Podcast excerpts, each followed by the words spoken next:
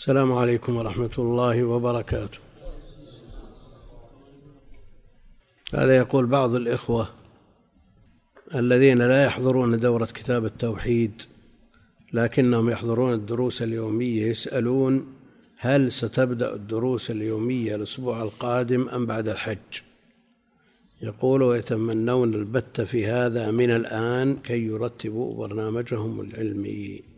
نعم غدا هو آخر دروس دورة كتاب التوحيد للدورة الثانية وأما الدورة الثالثة فسيعلن عنها في وقتها. ويوم الأحد يبدأ البرنامج المعتاد الذي وقف قبل خمسة أشهر لمدة ثلاثة أسابيع إن شاء الله تعالى ثم يستأنف بعد الحج. المقصود أنه يوم الأحد القادم شرح مختصر الخرقي بإذن الله. هذا الأحد. والاثنين بعد العشاء شرح الطحاوية والموافقات والثلاثاء المغرب صحيح البخاري من من أوله من العبادات من الطهارة وبعد العشاء البيوع من صحيح البخاري.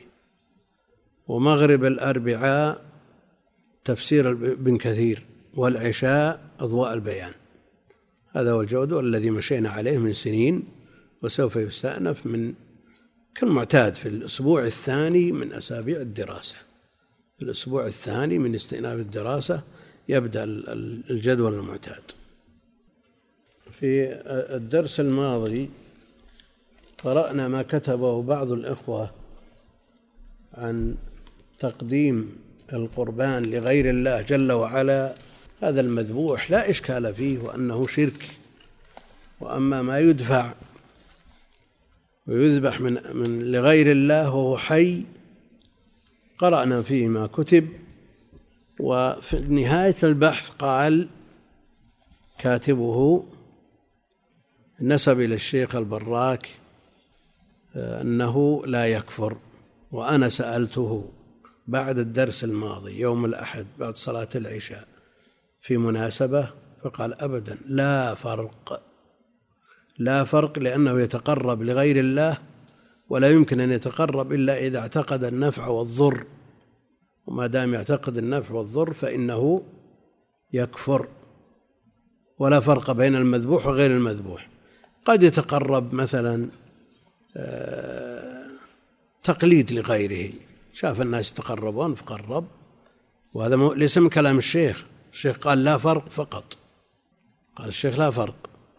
لا أقول إذا كان إذا كان يعتقد النفع والضر فلا فلا خلاف في تكفيره.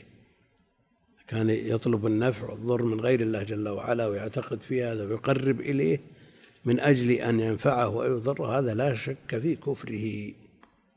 كمن ذبح. لكن إذا قربه تقليد لغيره يعتري أيضا من ذبح. تقليدا لغيره ولا يعتقد فيه. وإذا استرسلنا في هذه المسائل فإنها لا تنتهي لكن لعن الله من ذبح لغير الله وفي حكمه من أهداه حيا. وفي حكمه من أهداه حيا.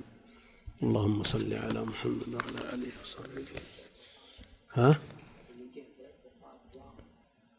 يمكن أن يقدم ليش؟ ليش يقدم؟ ها؟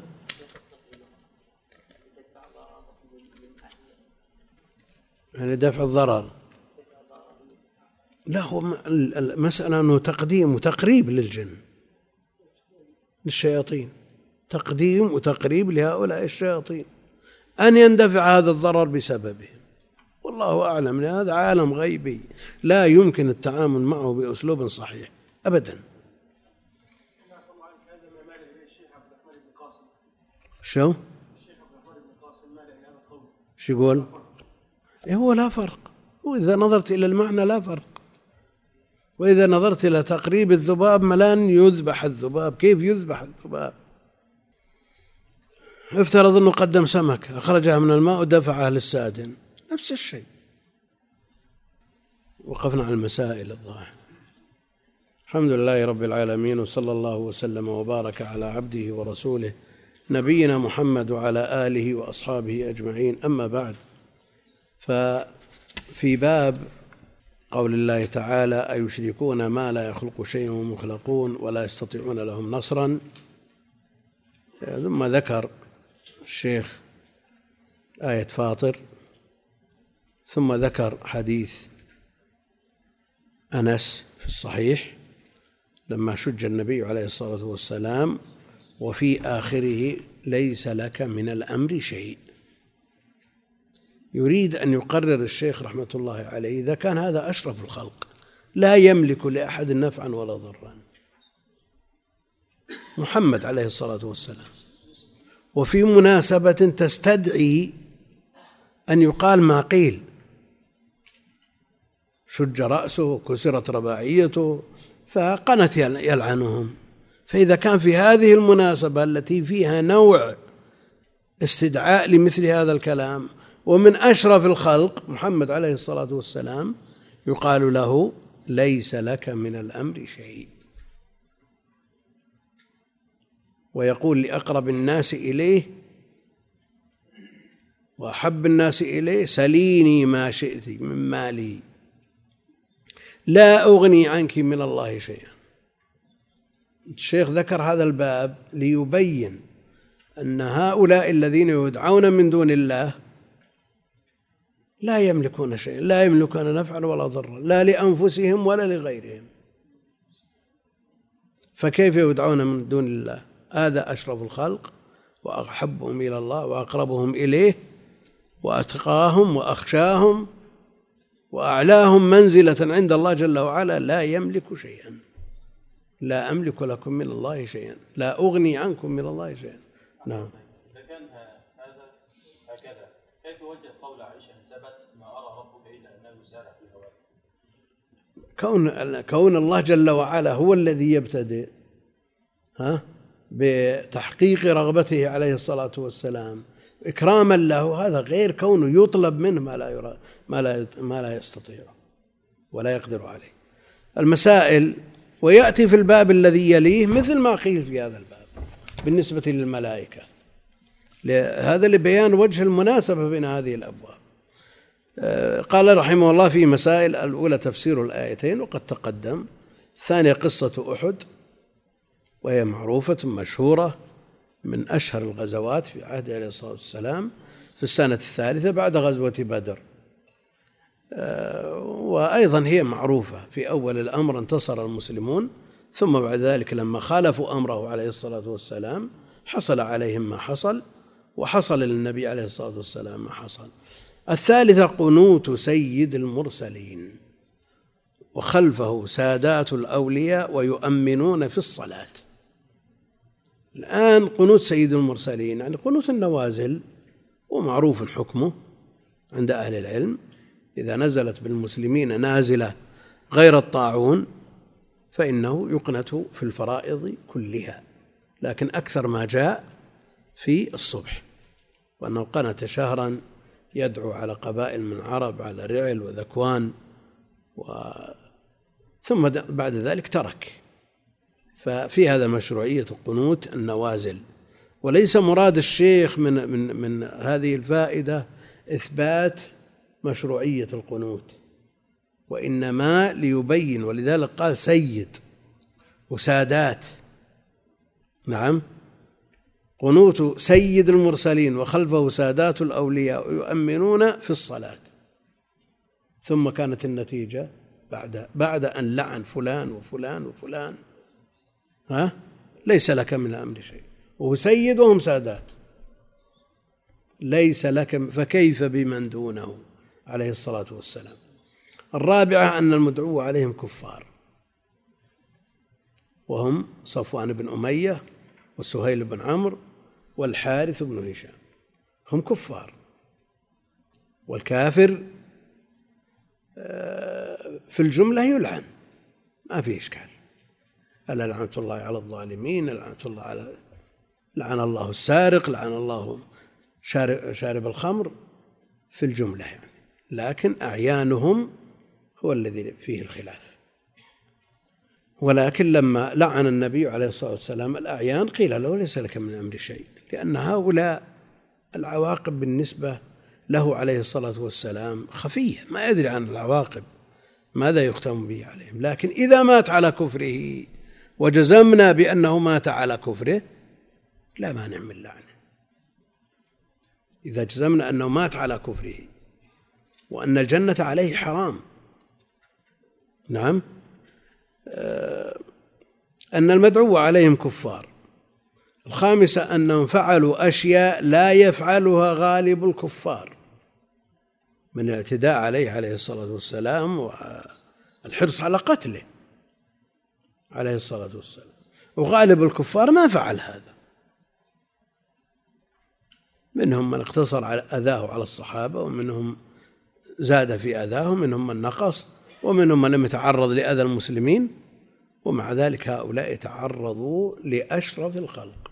وحصل منهم ما حصل فدعا عليهم وقنت عليهم ومع ذلك قيل له عليه الصلاة والسلام ليس لك من الأمر شيء. فكيف بمن دونه؟ الآن الكتب مثلا كتب التي تبحث في سيرته وشمائله وخصائصه لا سيما في شروحها. الأصل أن المتون مأخوذة من من السنة مما صح منها وضعف لكن الكلام في الشروح مثل شروح الشفاء وشروح الشمائل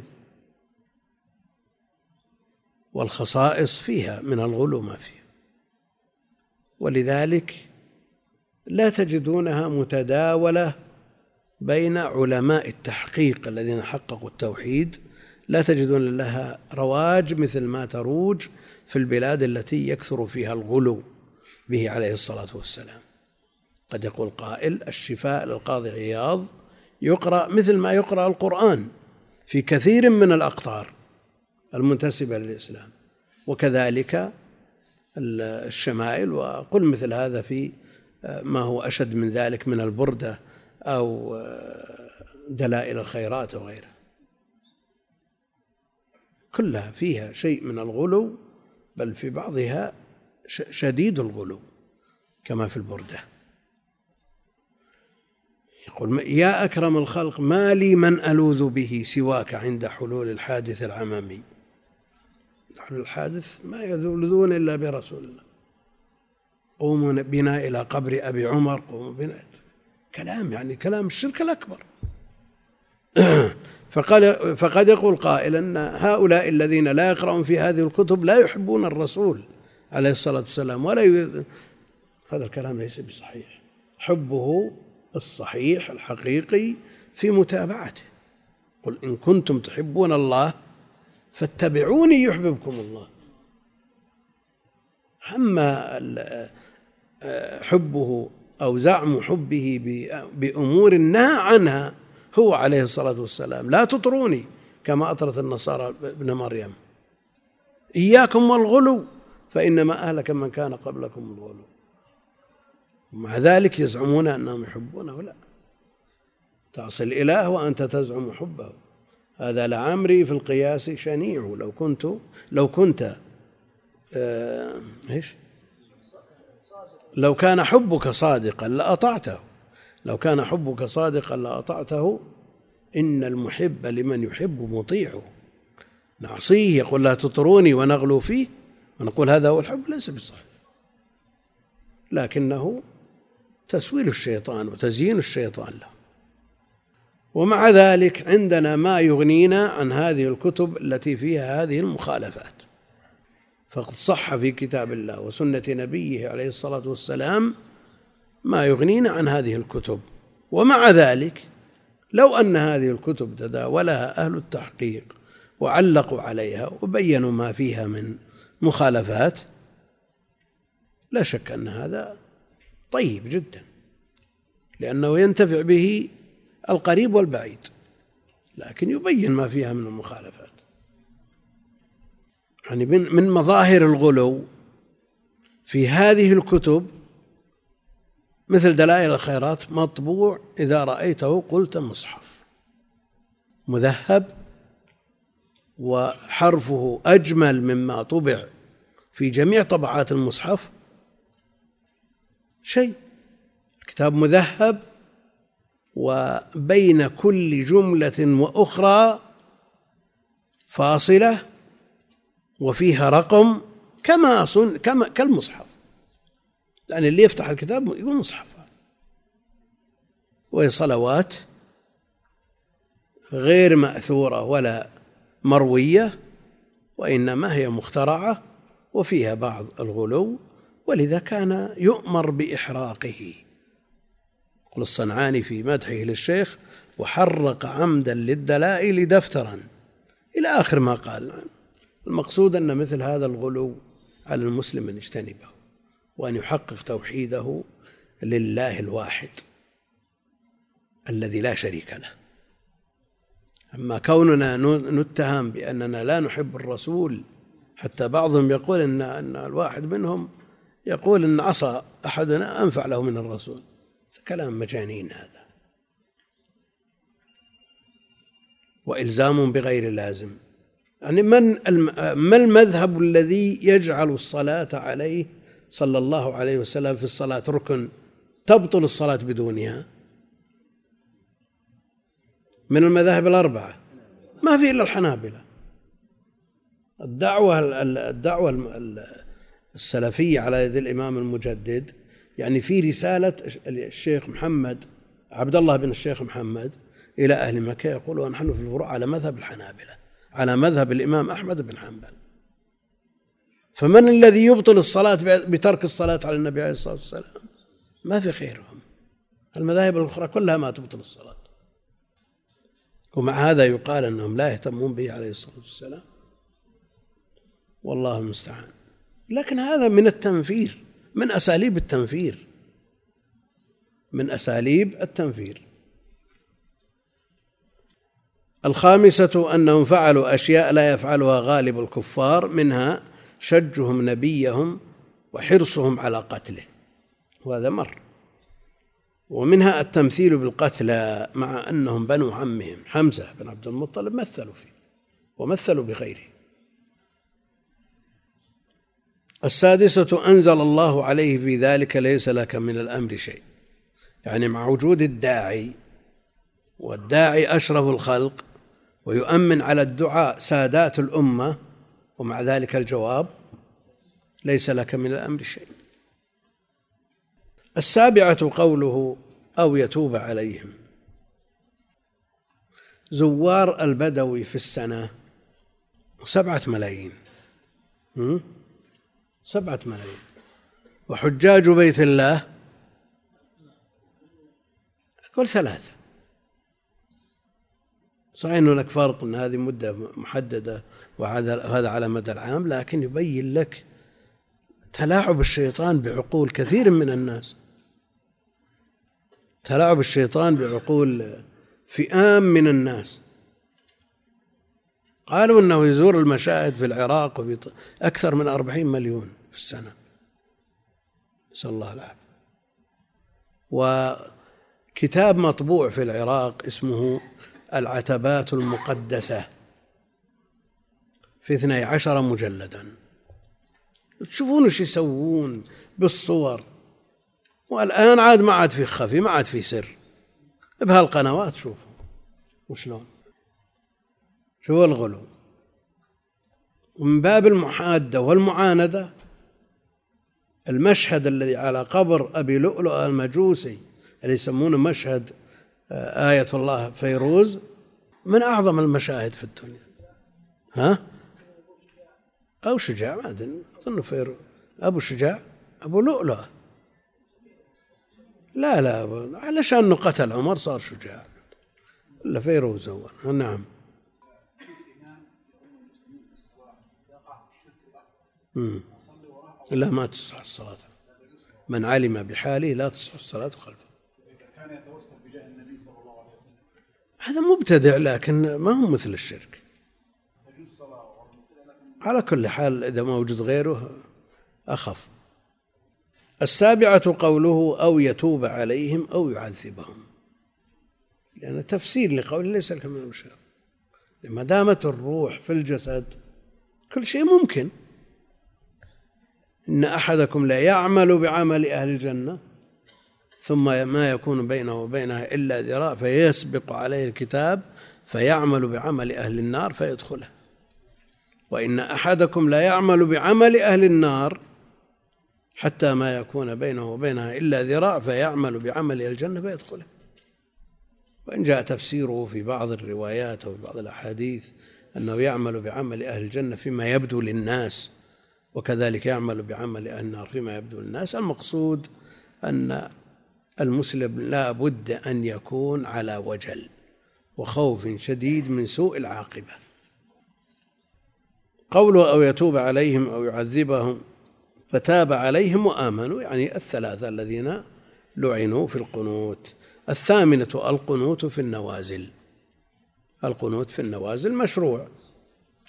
والنوازل يفرق أهل العلم بينها وبين ما كان ما منها ما كان من مخلوق وما كان من الله جل وعلا. يعني لو حصل خسف ولا زلازل وإلا أمور أخرى هذه يلحقونها بصلاة الكسوف. يسمون صلاة الآيات وصلى ابن عباس للزلزلة. الكلام فيما يحصل على المسلمين من شدة وأذى من الكفار. هذا يقنت له. ويستثني أهل العلم الذين لا يفرقون بين ما يحصل من خالق أو مخلوق الطاعون. الطاعون لا يقنت له. قالوا لأنه شهادة والشهادة لا يطلب رفعها.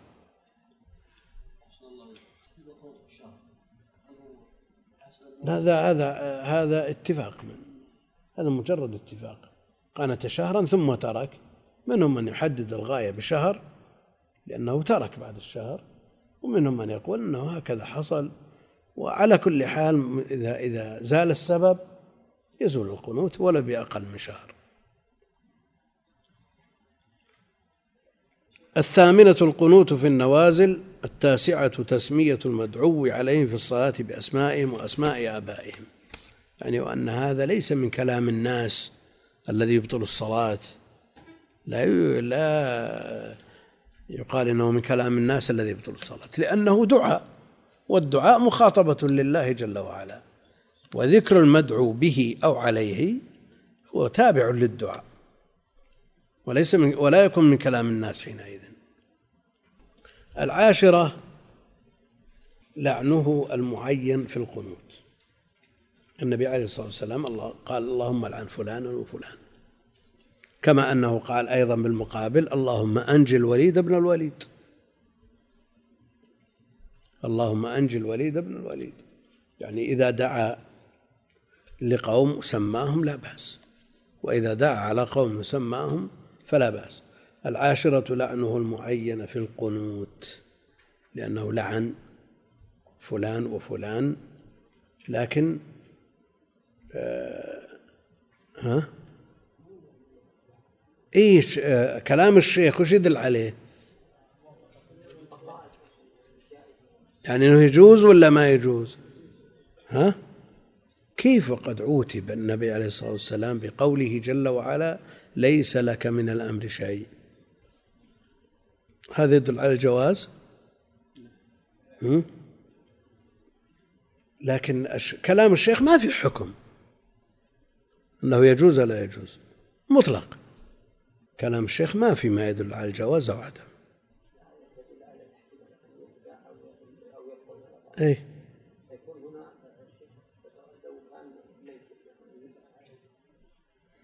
الذي الذي آه، وافى على كفره إذا مررت بقبر كافر. وش فيه؟ ها؟ فبشره بالنار. فقد حرم الله عليه الجنة ومأواه النار. نعم.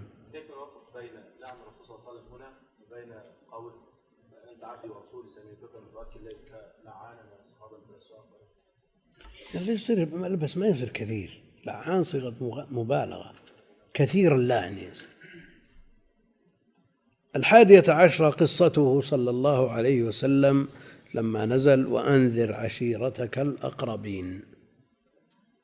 صعد على الصفا قال يا معشر قريش يا عباس بن عبد المطلب يا صفية عمة رسول الله يا فاطمة بنت محمد سليني من مالي ما شئت لا أغني عنك من الله شيئا. وتقدم. الثانية عشرة جده في هذا الأمر. ما نزل عليه الأمر بالتبليغ باشر. أنذر. فبادر بالنذارة. فهو جاد في هذا الأمر. ما قال غدا أو بعد غد. على طول. بادر. فهو جاد في دعوته إلى ربه عز وجل. بحيث فعل ما نسب بسببه إلى الجنون. صعد الصفا وبدأ بأعلى صوته. يا معشر قريش. لكن تصور واحد. من من من من الدعاة ومن أهل العلم. جاء إلى مكان مرتفع في وسط ميدان ولا شيء قال يا معشر الناس يا يا أيها الناس افعلوا واتركوا. كان ينسب إلى الجنون لكن الأحوال والظروف تختلف. الآن لو جاء أحد وصعد على مكان مرتفع وبأعلى صوته ينادي الناس ويعظهم ويوجههم. وش يقولون؟ مجنون. يعني أدركنا قبل آه، ثلاثين وأربعين سنة من يأتي إلى السوق الذي تباع فيه البضائع يصعد على شيء ويتكلم وينصح. هذا الشيء أدركنا لكنه مألوف في ذلك الوقت ومعروف لكن الآن من يبي يسوي؟ ما يقدر. لكن لو فعله أحد قال الرسول نسب إلى الجنون ما في مانع أن أنسب إلى الجنون. في وقته عليه الصلاة والسلام ما في وسيلة إلا أن يصعد في مكان مرتفع ليراه الناس ما في إلا على صوته لا عنده مكبرات ولا عنده وسائل إعلام ولا عنده شيء. وكذا لو يفعله مسلم الآن. ما في شك أنهم بينسبونه إلى الجنون لكن الله المستعان. قد يكون مثل هذا الأمر مشوش ويكون ممنوع بالأنظمة مثلا لا شك أن هناك مصالح ومفاسد فإذا ترتب عليه مفسدة لا يشرع حينئذ. ها؟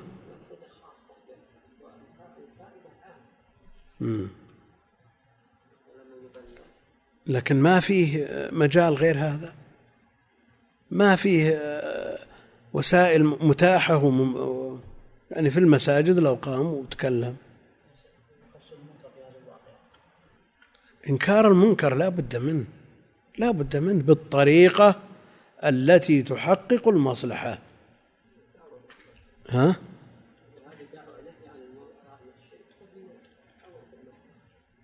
على كل حال هناك مصالح هناك مفاسد خاصة وعامة ولا بد من درء المفاسد لا سيما العامة لأن بعض الناس يكون عنده جرأة وغيره لكن أثر فعله يسري إلى غيره فيصدر بذلك بسبب ذلك أنظمة تضيق الأمر والنهي أو تضيق الدعوة أو. لا بد من دراسة الآثار المترتبة عليه الثالثة عشر قوله للأبعد والأقرب. قال للأبعد قريش وللأقرب لعمه وعمته وبنته لا أغني عنكم من الله شيئا. حتى قال يا فاطمة بنت محمد لا أغني عنك من الله شيئا. في هذا رد على من يقول إنه ينفع ويضر. هذا مقتضى فعل الغلاة به عليه الصلاة والسلام. ولا كيف يقول ما لي سواك عند حلول الحادث إلا أنه يزعم أنه ينفعه ويكشف عنه عنه ما به من ضر. فإذا صرح صلى الله عليه وسلم أنه وهو سيد المرسلين لا يغني شيئا عن سيدة نساء العالمين. وآمل الإنسان أنه صلى الله عليه وسلم لا يقول إلا الحق. هذا مجال تبليغ للدين. ولا قد يقول قائل قال هذا تواضع. هذا مجال تبليغ وبيان. ثم نظر فيما وقع في قلوب خواص الناس الذين ينتسبون إلى العلم ويوصفون به. وقع في قلوبهم الشرك الأكبر وهذا ظاهر وليس بخفي. ينظر من أراد أن ينظر حقيقة هذا الكلام ينظر ما يجري في عند القبور والمشاهد. وما كتب كتب بعض الغلاة من الاستغاثات والاستعانة بجن وغيرهم. موجود. كتب مؤلفات ومع الأسف أنها تباع في أسواق المسلمين. النبهاني له كتب في الاستغاثة بسيد المرسلين عليه الصلاة والسلام وهناك رد للألوسي أجاب فيه عن جميع شبهاته رحمه الله مطبوع في مجلدين. ثم نظر فيما وقع في قلوب خواص الناس الآن يعني الخواص عندك الخاصة والعامة الخواص من ينتسب إلى العلم. ويدعى له العلم بل تدعى له الولاية. تبين له التوحيد يعني حقيقة التوحيد وحقيقة هذه الدعوة إلى التوحيد وتحقيق التوحيد وتخليص التوحيد من شوائب الشرك والبدع. وتبين له أيضا غربة الدين. غربة الدين لأن نسبة من يدعو غير الله جل وعلا نسبة كبيرة جدا.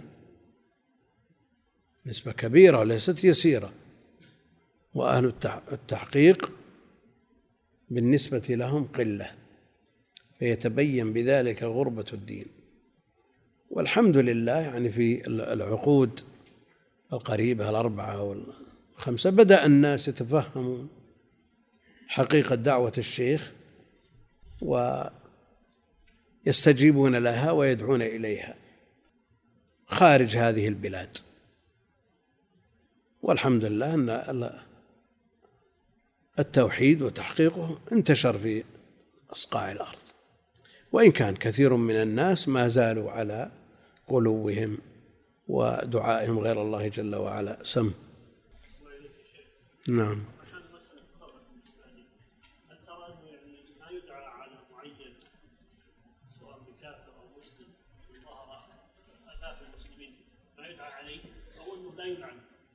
لا يلعن اللعن لا. والظالم يدعى عليه لا يحب الله جهرا بالقول من السوء إلا من ظلم يدعى عليه. ودعا النبي عليه الصلاة والسلام على اللهم سلط عليه كلبا من كلابك فأكله الأسد ودعا على أقوام. نعم. بسم الله الرحمن الرحيم. الحمد لله رب العالمين وصلى الله وسلم وبارك على نبينا محمد وعلى آله وصحبه أجمعين. قال المؤلف رحمه الله تعالى باب قول الله تعالى حتى إذا فزع عن قلوبهم قالوا ماذا قال ربكم؟ قالوا الحق وهو العلي الكبير.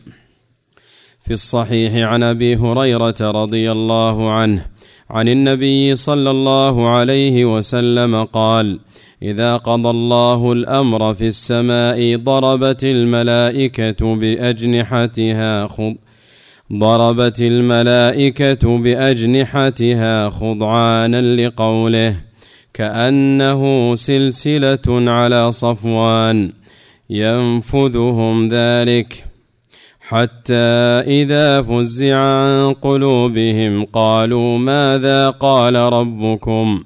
قالوا الحق وهو العلي الكبير. فيسمعها مستر مسترق السمع ومسترق السمع هكذا بعضه فوق بعض. وصفه سفيان بكفه فحرفها وبدد بين أصابعه.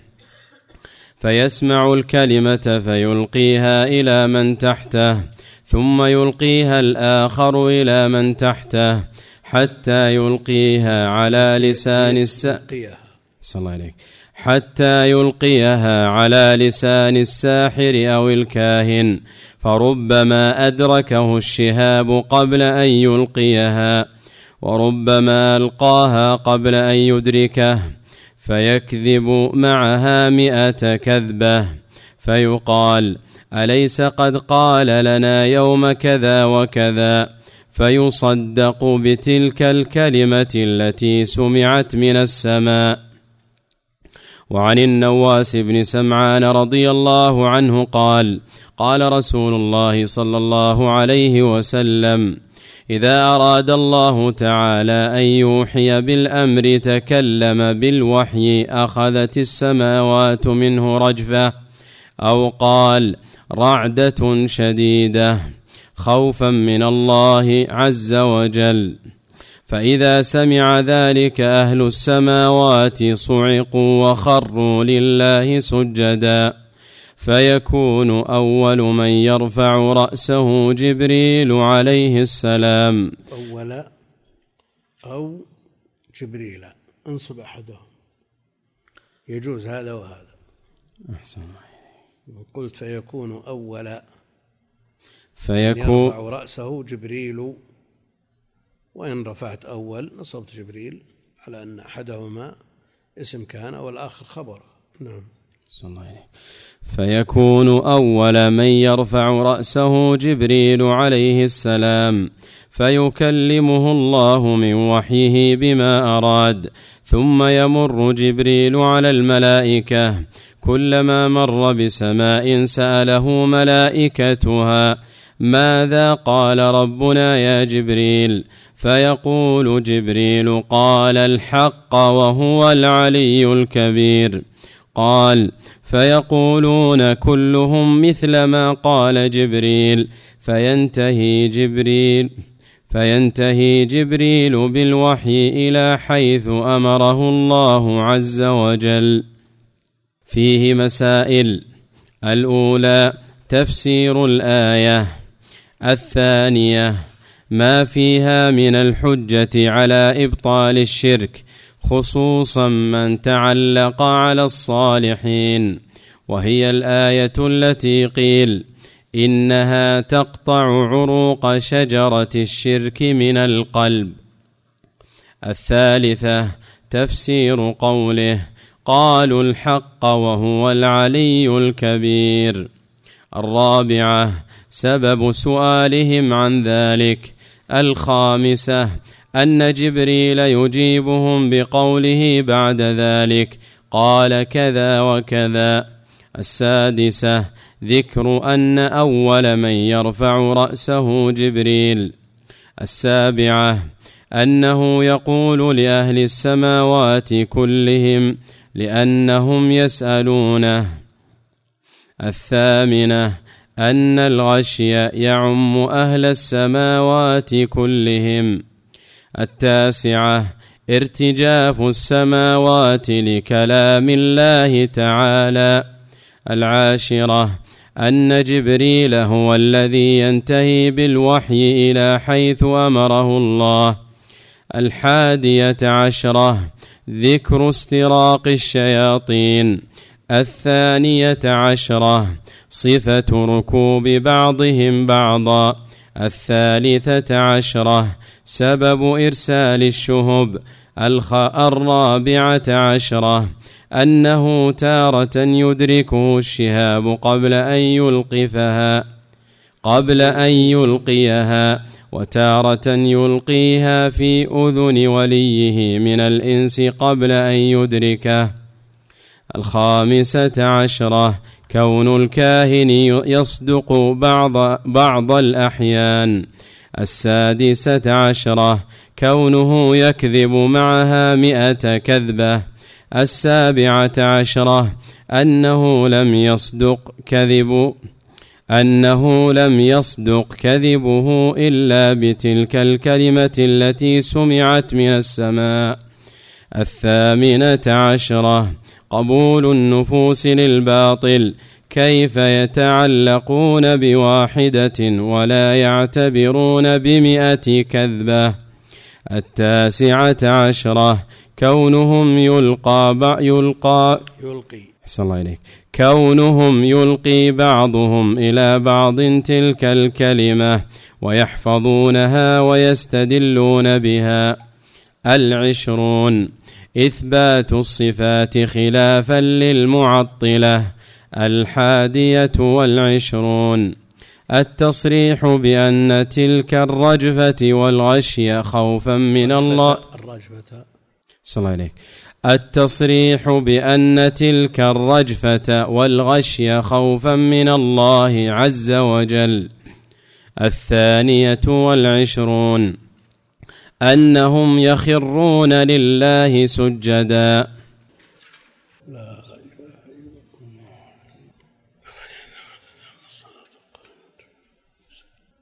يقول ذكرتم أن القنوت لا يشرع أو أن القنوت يشرع في النوازل سوى الطاعون. لماذا استثني الطاعون؟ العلماء نصوا على أن الطاعون لا يقنت له.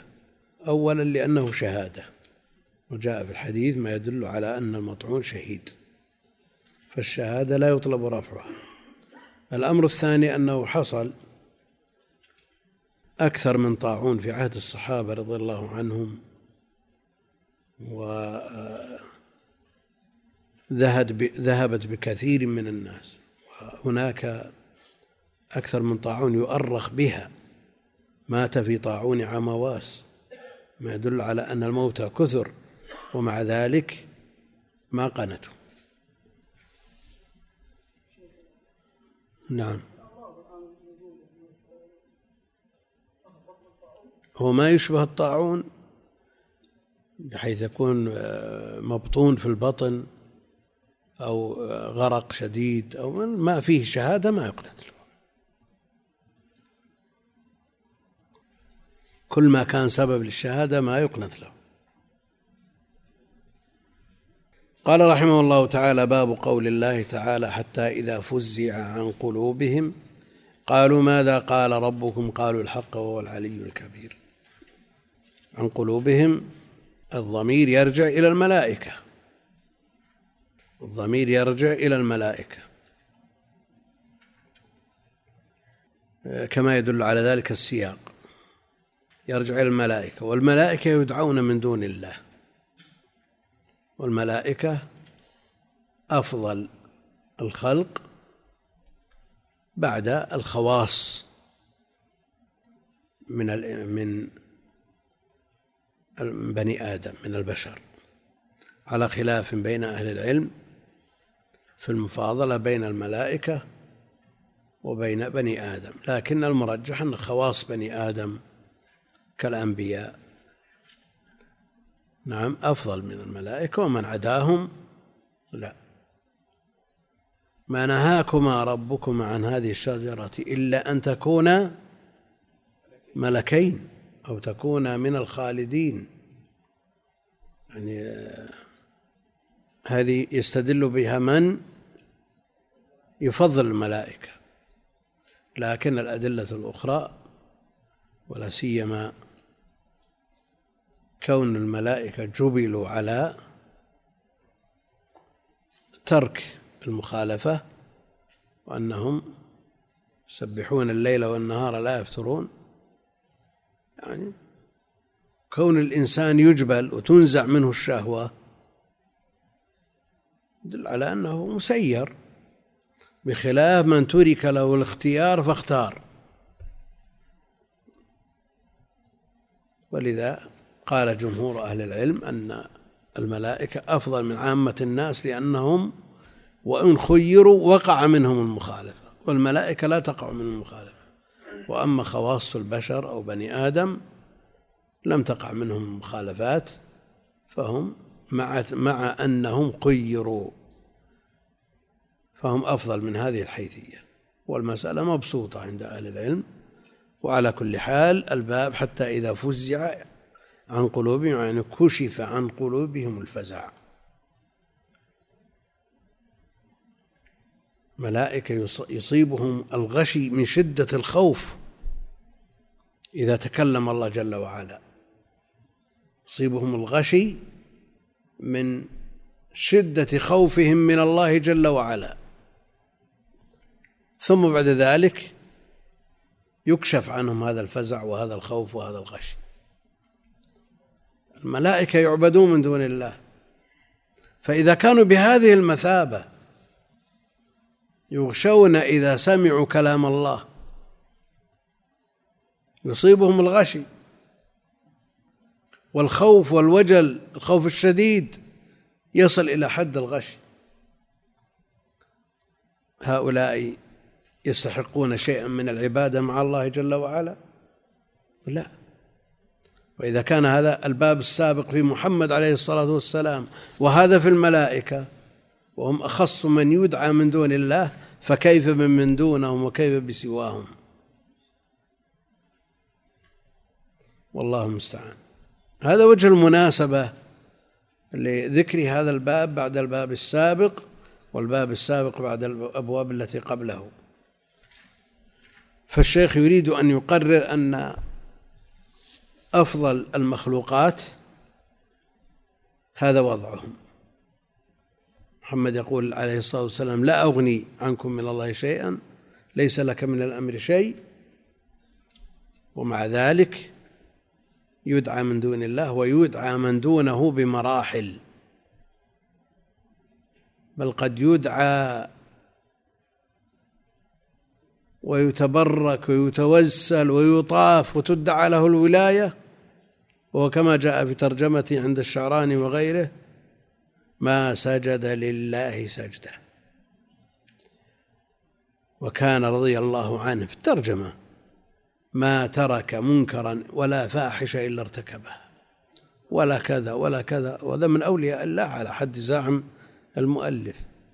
وصلتني نسخه كاتب عليها واحد بقلمه إذا كان رضي هذا رضي الله عنه فلعنة الله على من؟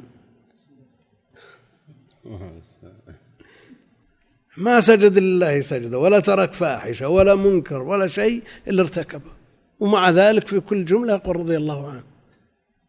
نسأل الله العافية. نعوذ بالله من الخذلان. نعوذ بالله من انتكاس الفطر والقلوب. ولذا يقرر أهل العلم أن مسخ القلوب أعظم من مسخ الأبدان. نسأل الله العافية. مسخ القلوب أعظم من مسخ الأبدان. ذكر ابن القيم رحمه الله في إغاثة اللهفان أنه في آخر الزمان يمضي الاثنان إلى معصية. فيمسخ أحدهما خنزيرا. الثاني وش يسوي؟ يرجع ولا يقول الحمد لله على السلامة؟ لا يمضي إلى معصيته. ممسوخ ما في فائدة حتى إذا فزع عن قلوبهم قالوا ماذا قال ربكم؟ يعني كشف عنهم الفزع الذي حصل لهم والغشي والوجل الشديد والخوف الذي وصل إلى حد الغشي. قالوا ماذا قال ربكم؟ قالوا الحق وهو العلي الكبير. يعني الله لا يقول إلا الحق. قالوا الحق يعني قال الحق والحق لا يقول إلا الحق. وتمت كلمة ربك صدقا وعدلا. هذا هو الحق. وهو العلي الكبير. العلي علو المكان والمكانة فوق عرشه بائن من خلقه علو القهر والغلبة علو الذات علو الصفات. قال في حديث أسماء في صحيح البخاري في صلاة الكسوف لما دخلت المسجد والناس يصلون استشكلت فأشارت من اللي أشار؟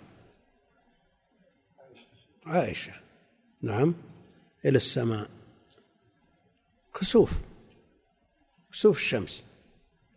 فقالت آية فأشارت برأسها النعم. فأصابها الغش من سبب ذلك. الآية الرسول عليه الصلاة والسلام خرج لما كشفت كسفت الشمس يجر رداءه فزعا يظنها الساعة. والآن الآن يخرجون إلى البراري وقد يسافرون إلى البلدان التي يعلن فيها أنه سيكون الكسوف في كذا ويصحب كذا ويصورون سبحان الله. إن الآن الفطر وتعلق القلوب بالله جل وعلا ضعف جدا. وكله بسبب الإعلان عن الشيء قبل وقوعه. وهو وإن كان ممكنا لكن الآثار المترتبة عليه ضعفت. ما دام يعرفون أنه سوف ينكسف يحصل الكسوف في ساعة كذا دقيقة كذا ثانية كذا وينجلي كذا صار عادي عند الناس. قال ففي الصحيح عن أبي هريرة عن النبي صلى الله عليه وسلم والمراد صحيح البخاري عن النبي صلى الله عليه وسلم قال إذا قضي الأمر إذا قضى الله الأمر إذا قضى الله الأمر في السماء ضربت الملائكة بأجنحتها خضعانا لقوله أو خاضعي أو خضعانا ضبط بهذا وهذا. يعني خاضعين وخضوعا لقوله جل وعلا كأنه سلسلة على صفوان. التشبيه للكلام أو لما حصل لهم أو للسبب الذي حصل لهم به.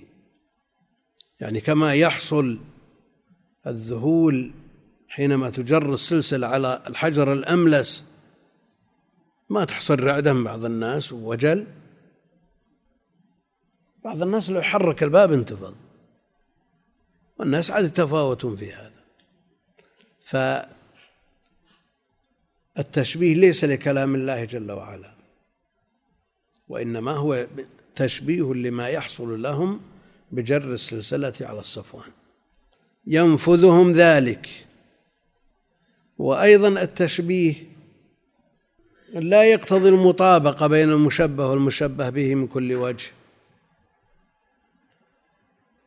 قد يكون وجه الشبه من وجه دون آخر. ينفذهم ذلك يمضي فيهم حتى إذا فزع عن قلوبهم كشف الفزع عنهم ورجعوا إلى اكتمال قواهم. قالوا ماذا قال ربكم؟ لأنه وقت الفزع ما يدرون. قالوا الحق وهو العلي الكبير. قالوا الحق قال الحق وهو العلي الكبير. فالآية تدل على أن الملائكة لهم قلوب. هي نص. فزع عن قلوبهم. والقلب محل العقل. وبهذا يرد على أن من قال أن الملائكة ليسوا عقلاء. يعني تصورون أحد يقول أن الملائكة ليسوا عقلاء؟ موجود في مصنفات. يقول ما ورد في النصوص وصفهم بالعقل ونقف. وأيضا رد عليه برسالة اسمها تنبيه النبلاء إلى قول إلى بطلان قول حامد الفقي الملائكة ليسوا عقلاء. يعني حامد من من علماء التحقيق من أنصار السنة. لكن هذا الحاصل. سلب العقل نقص ولا كمال؟ بلا شك نقص. نعم على الإنسان أن يقف ولا يجدد رأس رأيه ولا يعمل رأيه في المغيبات لكن هناك أمور فيها أدلة حتى إذا فزع عن قلوبهم. قال فيستمعها مسترق السمع من الشياطين ومسترق السمع هكذا بعضه فوق بعض. لأن الشياطين يتراكبون يركب بعضهم على بعض حتى يصلوا إلى السماء. ثم يسترقون الكلمة. وسفيان الراوي سفيان بن عيينة الهلالي المكي الثقة الجليل المعروف وصف تراكب الشياطين بعضهم على بعض. قال بكفه فحرفها وبدد بين أصابعه يعني فرق بين أصابعه وجعلهم يركب بعضهم بعضا هكذا. المقصود أن هؤلاء الشياطين عندهم خفة وعندهم سرعة في التصرفات قد يطير. لأنه قد يقول قائل شو يمديهم على يتراكبون إلى وصول السماء. الله أعلم هذه أمور غيبية لا نعرفها. لكن هذا الحاصل. فحرفها وبدد بين أصابعه فيسمع الكلمة هذا الشيطان الذي يسترق السمع فيلقيها إلى من تحته. كل واحد يقر في إذن الثاني. قر الدجاجة كما جاء في بعض الروايات. حتى تصل إلى الإنسي الذي تلقاها ويتلقفها إلى من تحته ثم يلقيها الآخر إلى من تحته حتى يلقيها على لسان الساحر. يعني من الإنس أو الكاهن.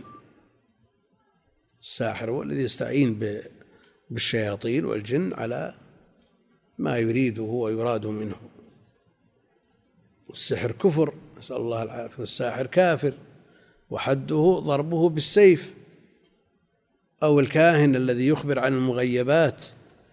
يعني بواسطة ما يسمعه من كلمة يسمعه الشياطين من كلمة واحدة ثم يضيف إليها مئة. فربما أدركه الشهاب قبل أن يلقيها.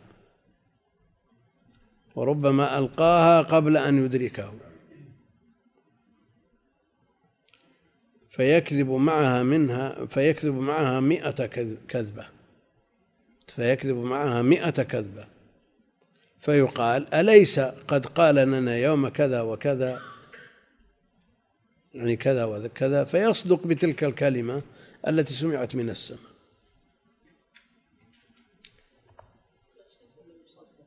ها؟ وشو؟ يصدق هو مطابق للواقع ويصدق.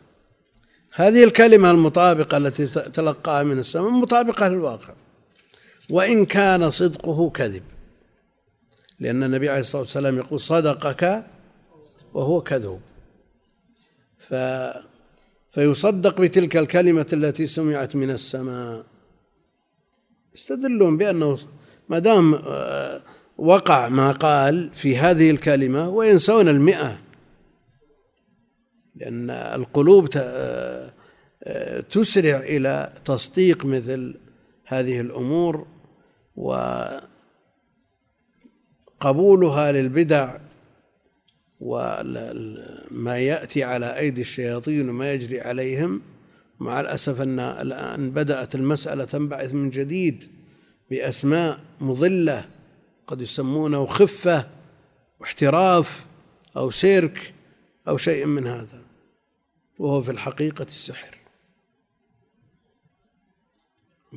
يجمع له الناس وتجبى بسببه الأموال ومع ذلك يقال خفة يد ولا خفة حركة ولا شيء. نعم. كيف يتجرأ الشيطان على استراق السمع ويعلم العقاب؟ والشهاب اللي بيلقى يلقى على أولهم من فوق. لأنه قد يصيب وقد يصيب وقد لا يصيبه وهذا كان قبل بعثة محمد عليه الصلاة والسلام. بعد البعثة حرست السماء. حرست السماء. حرست السماء بالشهب وحرست. لكن الخلاف فيما بعد وفاته عليه الصلاة والسلام من انقطاع الوحي. هل عادوا إلى صنيعهم أو استمر؟ خلاف بين أهل العلم لأننا نشوف الشهب ترمى. الآن الشهب ترمى. وقد تكثر في بعض الأوقات في بعض الأماكن. على كل حال هذا الحاصل.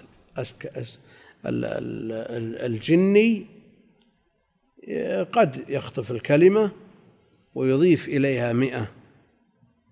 لذا أحيانا من أراد أن يمشي كلامه الباطل لا بد يدس فيه.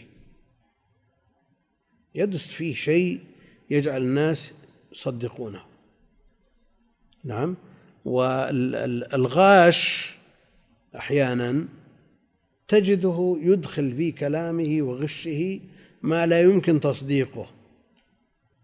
يأتي بسيارة أو بسلعة فيها عيوب يقول فيها كذا وكذا وكذا ويذكر عيبا الواقع يكذبه. الواقع يكذبه. من أجل إيش؟ أن يقال أن هذا من زيادة الورع ولا يريد أن يحمله شيء يحمل نفسه شيء ذكر هذه العيوب السيارة فيها كذا وكذا وكذا ومصدوم مع كل مكان ويشوفه. من من أحسن ما يكون بعدين قد يقول الماكينة مخبطة وهي تمشي. علشان إيش؟ يمشي عيوب ما ترى. فيدخل في كلامه ما يجعل كلامه ما يقبل وتمشي سلعته. عكس اللي عندنا الآن وإن كان الحكم واحد. والمسألة تختلف بين غش وسحر. ما بينهم مقاربة مقارنة. لكن هذا يصدق بهذه الكلمة أو يصدق بهذه الكلمة التي آه، أصابها هذا الجني واختطفها قبل أن يرمى بالشهب.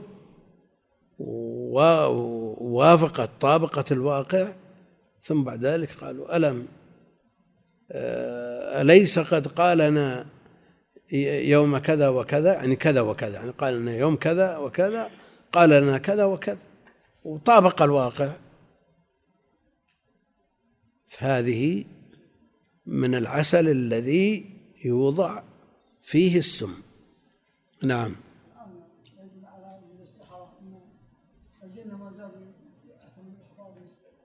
شو؟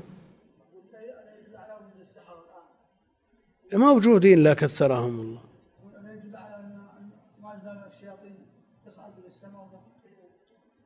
هو الخلاف موجود بين أهل العلم. آه، السماء لا شك أنها حرست بعد بعثته عليه الصلاة والسلام ومنهم من يقول أن هذا حفاظا للوحي في وقت نزوله. وبعد آه، السحرة موجودين حتى في عصره عليه الصلاة والسلام. وسحر عليه الصلاة والسلام. ها؟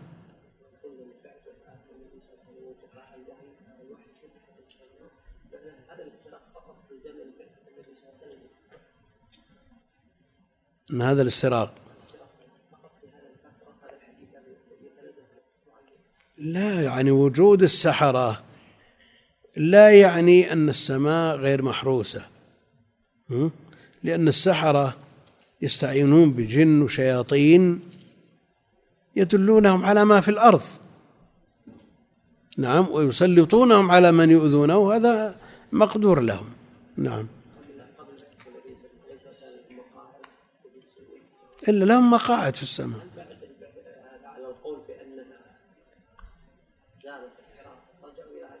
لا لا لا لا لا خلوا قلنا كنا نقعد منها مقاعد للسمع.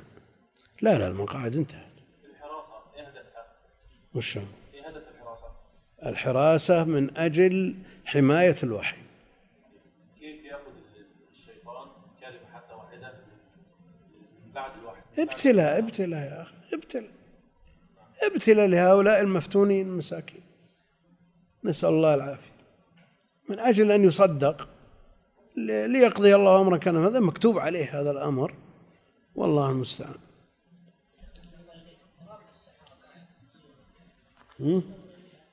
لا ما يجوز. النظر إلى المعصية ما يجوز. وهذه من أعظم المعاصي لأنه شرك. الآن وين؟ ما تلفزيون ولا غيره.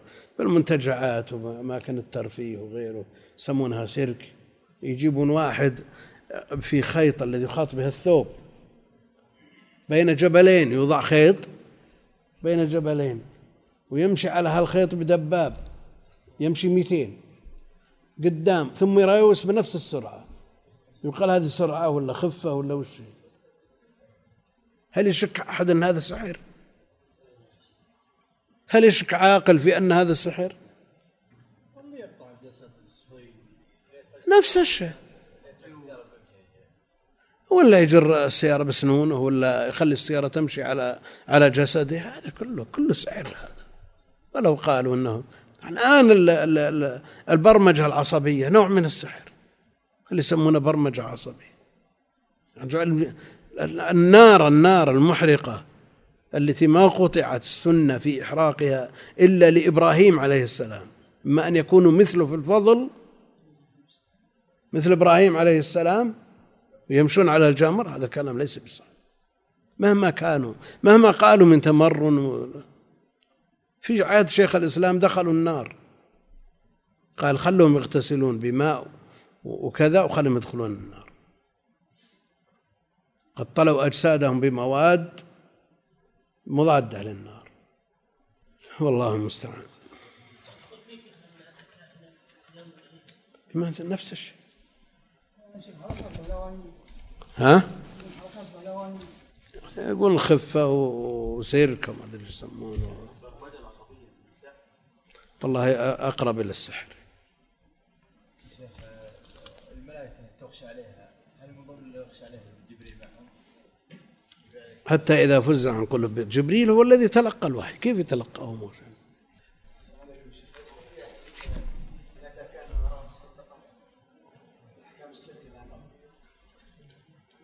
إذا قيل أنه سحر نفس الحكم ها؟ وش بالواقع؟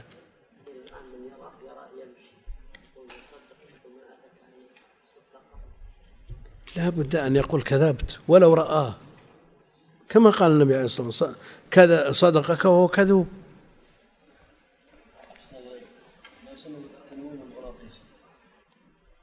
وش فيه؟ فيه بعد بنج بعد. مثله.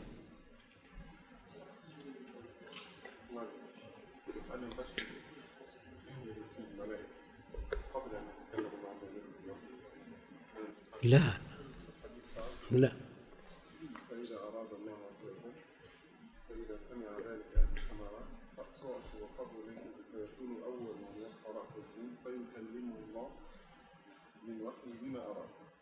إيه هذا فيه ما يدل على أنه القبل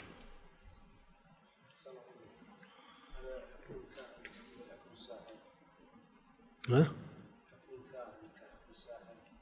حكمه الكفر. يخبر المغيبات لا يعلم الغيب إلا الله جل وعلا.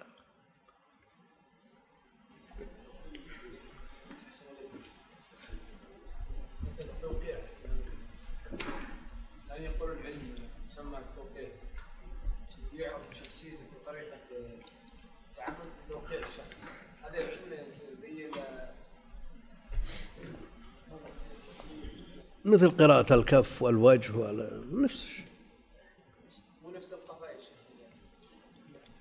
ما هو بألقاف القيافة. لا ما هو بنفس القيافة. القيافة معروفة ومقرة شرعا. طريقة يسأل الشخص كم سؤال ثم يبين شخصيته وهذا شخص صديقه فيه هذا الشخص ليس خراب هل يعد ليس لا أصل هل يعد لا هذا دجل. هذا دجل يقول يسألونك عدة أسئلة ثم يقول شو البزران بالجوالات أنت أمك فلانة وأنت كذا نسأل الله العافية. توسع الناس في أمر غير محمود العاقبة. أي مو بعيد. الحين في بعض الحركات السلك شيخ تبلوكه إيه. يكسرها يا شيخ ولا ولا تحس بشيء. إيه لأنه حاط بعيونك شيء. كم كمرة أنا استخدمتها شيء. سحرت؟ ما سحرت يا شيخ أنا سحرت. لأن إعانة الجن ما يلزم أن تكون أنت تدري المهم أن هناك مقدمات يستدرجونك بها إلى أن تقع في صميم الشرك. بس في ناس على استقامة يا شيخ. ما عليك من الناس. عبرة بالنص بالنص. يقول أنا سويت حطوا على صدري حصاد وكسروه. اورقه السيارة بعد. لا لا لا. بس بلوك يا شيخ حط بلوك يا شيخ وخذ البطرقه وطقها وقمت بس تقوى البلوك بلوكة أمر صبية هذه. اللهم صل على محمد وسلم